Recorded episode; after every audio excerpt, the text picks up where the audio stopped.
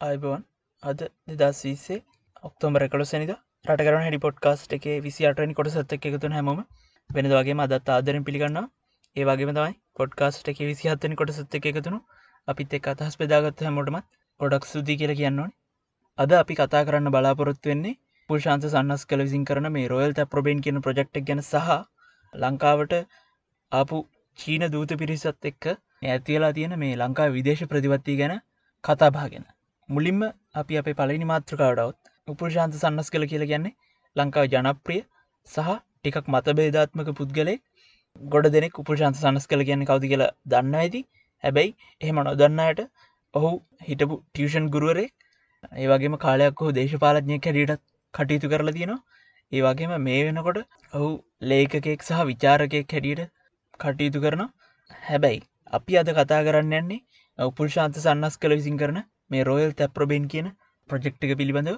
මේ රෝල් තැප්‍රබෙන් එක බිල්ලින්න එක තියෙන්නේ නුගේකොට ප්‍රදේශයේ. අද මේ මාතෘකාව ගැන මම පෞද්ගලි කතාරන්නේදේ ඔහුගේ මේ YouTube චැනල් එක තිබ්බ වීඩියෝස් කීපයක් පහුගේ සතිය වගේ කාල ඇතුළද බැලුවා. ඉතින් ඒක හන්දා මේ ගැන පොඩ්ඩක් මගේ පෞද්ගලි අදහස ප්‍රකාශ කරන්න ඕනි කියලා මම විශ්වාස කරනවා. හැබැයි මෙතැන්දී මාත් එක්ක මේ ප්‍රජෙක්්ටක් කරන මගේ මිත්‍ර දෙන්නගේ අදහස් වෙනුවට මගේ පෞද්ගලික අදහස තමයි මෙතෙන්දී මම ප්‍රකාශ කරන්න උත්සාහ කරන්නේ ඉතින් කිව්වගේම දකිනිතියට මේ ප්‍රොජෙක්් එක පටන් අරන් තියෙන්නේ ලංකාවේ විවිධ මතධාරීන්ට තමන්ගේ අදහස් ප්‍රකාශ කරන්න පලට්ෆෝර්ම් එකක් ලබාදීමේ අරමුණ ඇතුව. මොකද ලංකාවේ ඕනෙම කෙනෙට්ට නිදහසේ අදහස් ප්‍රකාශ කරන්න පුළුවන් කියලා ව්‍යවස්ථාවෙන් පිළියරගෙන තිබ්බට ප්‍රායෝගිකව ඒක එහෙම සිද්ධනාද කියලා ගැටලුවක් ඇතිෙනවා යම් කිසි පුද්ගලෙක් කතාවක් කරත් පොතක් ලිව්වත් ෆිල්ම් එකක් හැදුවත් ඔවුන්ට ගොඩක් කලාට සිද්ධන දේ තමයි සමාජය තුළේ එක්ක සමාජයෙන් බලපෑමෙල්ලනවා එහෙම නැත්තං රජය විසින් බලපෑමෙල්ල කරන මේ වගේ වාරණ ගොඩක් ඇතුළ තමයි ලංකාවේ අදහස් ප්‍රකාශ කරන්න සිද්ධලා ති ඉතින් මෙහෙම වටපිටාවක් ඇතුළත ලංකාවේ මේ විවිධ මතධාරින්ට අදහස් ප්‍රකාශ කරන්න තැනක් ලබා දෙන එක තමයි මේ රොයල් තැප්‍රබෙන්න්නේ කරහා සිද්ධ කරලා තියෙන.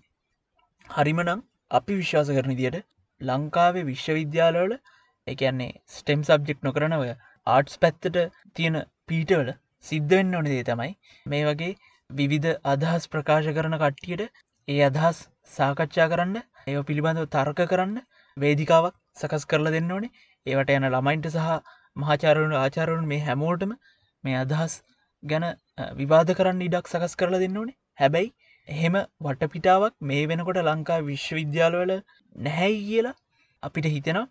ඒක හන්ද තමයි දේශපාලන විද්‍යාව ඉගෙනගත්ත උපාධිධාරයෙන් ගිහිල්ලා ජනාධිපතිවරයාගේ රැකියල්ල ඉතින් මේ වගේ අප අධ්‍යාපන ශේත්‍රයේ තියෙන අඩුපාඩු හන්ද ඒ අඩුව පුරුවන්න තමයි මේ රොයල් තැප්‍රබෙන් ප්‍රජෙක්් එක පටන් අරගෙන තින්න කියලා මට පෞද්ගලික හිතෙනවා.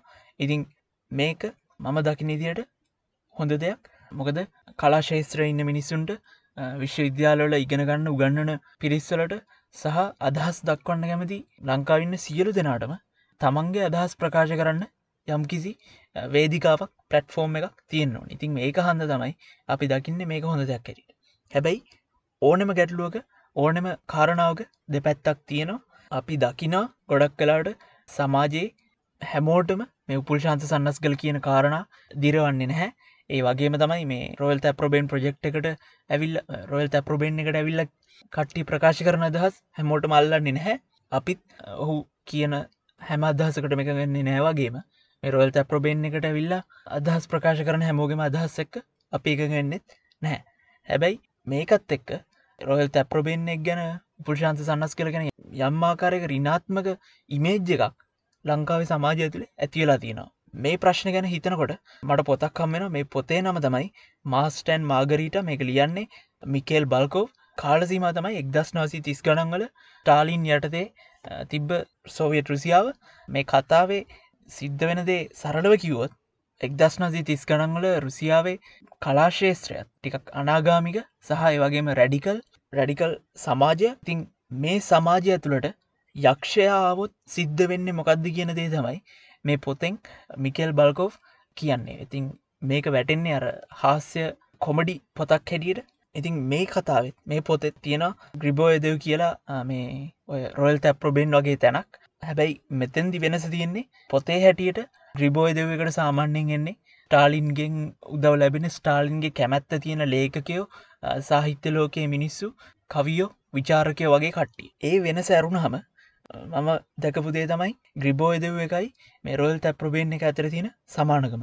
මොකදර කලින් කිව්වාගේම ග්‍රිබෝයදවකට එන කට්ටියකයි රොයල් තැප්‍රොබේන් එකට එන කට්ටියකයි අදහස් සහ එකොල්ලන්ගේ හැසිරීම් එක වගේ. මේ ගොඩක් කට්ටිය එකන්නේ අනාගමික සහ ටිකක් රැඩිකල් වෙනස් විදිහට හිතන කට්ටිය ඒ වගේම තමයි මේ ගොල්ලන්ගේ හැසිරීම් දිහ බැලුවම ඒගොල්ට සමාජයේ අනික් මිනිස්සු දිහ බලන ආකාරය ටිකක් වෙනස්. උදාහරණයක් ඉදියට පි දැක්ක මීට මාස කීපයකට කලින් ලංකාවේ ප්‍රයිවට් බස්සල දාන්නඕනි සිින්දු මොනාද කියලා සීඩිය එකක් හදන්න යෝජනාවක්කාව ඒක සිද්ධ වනේ නැහැ. හැබැයි ඒ යෝජනාවාප වෙලාවේ සමාජය එක් කොටසකින් විරෝධයක්කාව මේ මේ සීඩිය එක හැදීම තුළින් සිද්ධ වෙන්නේ මිනිස්සුන්ගේ ප්‍රකාශනය නිදහසට බාධාවක් කියන එක. ඉතින් මම දකිනි තියට මේ රෝයල් තැප්‍රබේඩ් එකට එන්නේ ඒක මිනිස්සුන්ගේ අදහස් හොයල බලන්නේ අදහස් ප්‍රකාශ කරන්නේ ගොඩක් කලාට මෙන්න මේ ලෙවල් එකේ ප්‍රශ්න තියන කට්ටිය. හැමෝම නොවෙන්න පුළුවන්. හැබැයි මට හැඟෙන විදියට ගොඩක් කලාට රොයල් තැප්‍රබේන්න එකටෙන්නේ වෙනම ලෙවල් එකක ප්‍රශ්න තියෙන වෙනම ලෙවල් එකක සමාජ වට පිටාවක කට්ටිය. ඉතින් ඒක සම්පූර්ණයම වැරදි කියන්නත් බෑ. මොකද ඇතෙන්ටෙන මිනිස්සුන්ටේ ප්‍රශ්න තිබීමේ ගැටලුව නෙවෙයි. තැනින් එහාට ගිල්ල එහෙම සමාජවට පිටාවක් හැදුන ක්‍රමේ අඩුපාඩුව තමයි මෙතන සිද්ධවෙන්න කියලා මට හිතෙනවා. ඉතින් කොහොමුණත් මේ වෙලාවේ පොඩි ආරාධනක් කරන මේ පොඩ්කාස්ට ගන හැමෝටම. පුළුවන්නම් ගිහිල්ල රොයල් තැප්‍රබේන් YouTube චැනල් එක පොඩක් ස්ත්‍රීම් කල බලන්න. ඒගොළන්ගේ වීඩියෝස් ටික් බලලා ඒගොල්ලො ප්‍රකාශ කරන අදහස් පොඩ්ඩක් හොල බලන්න. අපි YouTube චැනල් එකට ලිංක එකත් මෙතනම දාන්න. ඒ වගේම තමයි පුළුවන්නම් මේ මාස්ටයින් මාගරීට කියන පොත හොයාගෙන ඒ කියෝල බලන්න. මොකද එතකොට රොයල් තැප්‍රබේන් එකට යන කට්ටියටත් සහ නොයන කට්ටියටත් වටහා ගන්න සමහරක්කට පුළුවන් වෙයි ඇයි උපුල් ශාන්ත සන්නස් කල්ල ගැන රොයල් තැප්‍රබෙන් එකට යන කට්ටිය ගැන මෙහෙම හැඟීමක් සමාජයේ යම් කොටසක් ඇතුළද ඇති වෙලා තින්නේ කියලා.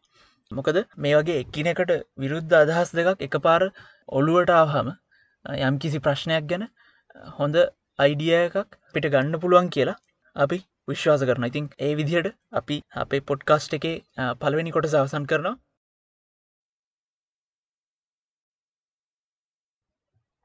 ඊළඟට අපි කතා කරන්න බලාපොරොත්තු වෙන්නේ චීනෙන් ලංකාවට ආපු දූත විරිසත් එක්ක ලංකා විදේශ ප්‍රතිපත්තිය පිළිබඳව ඇතිලා තියෙන කතාභාගෙන අපි දැක්ක පහුගේ දවසක චීන රජයෙන් ලංකාවට දූත කණ්ඩායමක් යන ඒගොල්ලංම නිරෝධායනය නොකර ලංකාව ඇතුළට ඇතුල්වෙන්ඩ ඉඩදීලා තියෙනවා ඉතින් මේක ගැන ප්‍රශ්න කරහම සෞඛ්‍ය ඇමතිනි කියන දේ තමයි ඒ දූත කණ්ඩෑම ගොඩක් බලවත් කට්ටියක් ඒ හන්ද ඒගොල්ලන්ට නිරෝධායනය වෙන්ඩ කියලා කියන්ඩ රජයට හැකියාවක් නැහැ කියන එක. ඉතින් අපි අහල බලන්න ඕනේ ඇයි රටක් හැටියට අපි මෙච්චර දුරලලා තියන්නේ ඇයි අපි රටක් හැටියට මෙච්චර අපේ විදේශ ප්‍රතිපත්තිය දුරුවල කරලා තියෙන කියෙනග. මොකද මේ වගේ හදිසි අවස්ථාවකවත් රටගැන හිතල තීරණ ගන්න බයිනම් තැන්දි අපේ විදේශ ප්‍රතිපත්තිය කොහරි ලොකු දුර්වලකමක් තියෙනවා කියලා හිතෙන්ඩෝනේ විශේෂයම අපි චීනෙන් ගත්ත නය ප්‍රමාණයත් එක්ක චීනෙන් ලංකාවි කරලා තියෙන ආයෝජන ප්‍රමාණයත් එක්ක චීනය ලංඟාවට ප්‍රජෙක්් කරන්න දෙන කොමිස් ප්‍රමාණයත් එක්ක තවදුරටත් චීනය නැතුව පැවැත්මක් නැති තැනට ලංකාව වැටිල තියෙනවා. අපි එක රටක් මතම යැපෙන්ඩිහාම ටීවවල ගිහිල්ලා ලංකාව එක් කියන රට මුල් කරගත්ත විදේශ ප්‍රතිපත්තියක් අනුගමනය කරනවයි කිව්වහම ඇතිවෙන ගැටලුව තමයි අපි යැපෙන්ඩ උත්සාහ කරන බලගතු රටවල් ඉදිරියේ අපි අසරණයන එක. මේ ප්‍රතිපත්ති අනුගමනය කර පන්ද තමයි ඇමරිකාවෙන් ලංකාවට බඩු චෙක් නොකර පලේන්ගෙන් ඩෝනි කිවොත්හෙම ඉන්දියාවෙන් ලංකාව තෙල් බැහලුම් වල අයිතිල්ලොත්හෙම චීන විදේශ දූත කණ්ඩෑම්වලට නිරෝධානය නොවී ලංකාවට එන්නඕනි කිවොත්හෙම ඒකට ඉඩ දෙන්න සිද්ධ වෙලා තින්නේ. අපි ඉස්කෝල දිගෙන ගන්න දෙයක් තමයි සහ අපේ ඉතිහාස පොත්තල තියෙන දෙයක් තමයි ලංකාවේ භූගෝලිය පිහිටීම කියෙන එක ගොඩක් වැදගත්දයක් ඒක හන්ද තමයි මේ ගොඩක් රටවල් ලංකාව ගොඩක් බලගතුරටවල් ලංකාව ගැන මෙච්චර අවධානෙන් ඉන්න කෙනෙක්. ඔය කියන තරම්ම ලංකාවේ භූගෝලිය පිහිටීම වැදගත් නම්. අපි ඒක පාවිච්චි කරන්න ඕනේ අපේ විදේශ ප්‍රතිවත්තිවලදී ලෙවරෙජ්ජක් හැටියරනේද අපිට තියෙන උපාංග හැටියරනේද හැබැයි නිදහසෙන් පස්සේ මේ අවුරුදු ගණනාව පුරාවටම අම්මල දුවල යංකිඩි කියලා යංකිඩි කියලාගේ බෑනලා අපච්චිලා සරලා මේ හැමෝම කරලා තියෙන්නේ. ලංකාවේ පිහිටීම විකුණන් කණ එක මිසක් ලංකාවේ පිහිටීම ලෙවරේජ්ජක් හැටියට පාවිච්චි කරන එක ලංකාවේ පිහිටීම උපාගයක් හැටියට ටූල්ල එකක් හැටියට පාවිච්චි කරන එක නෙවෙයි.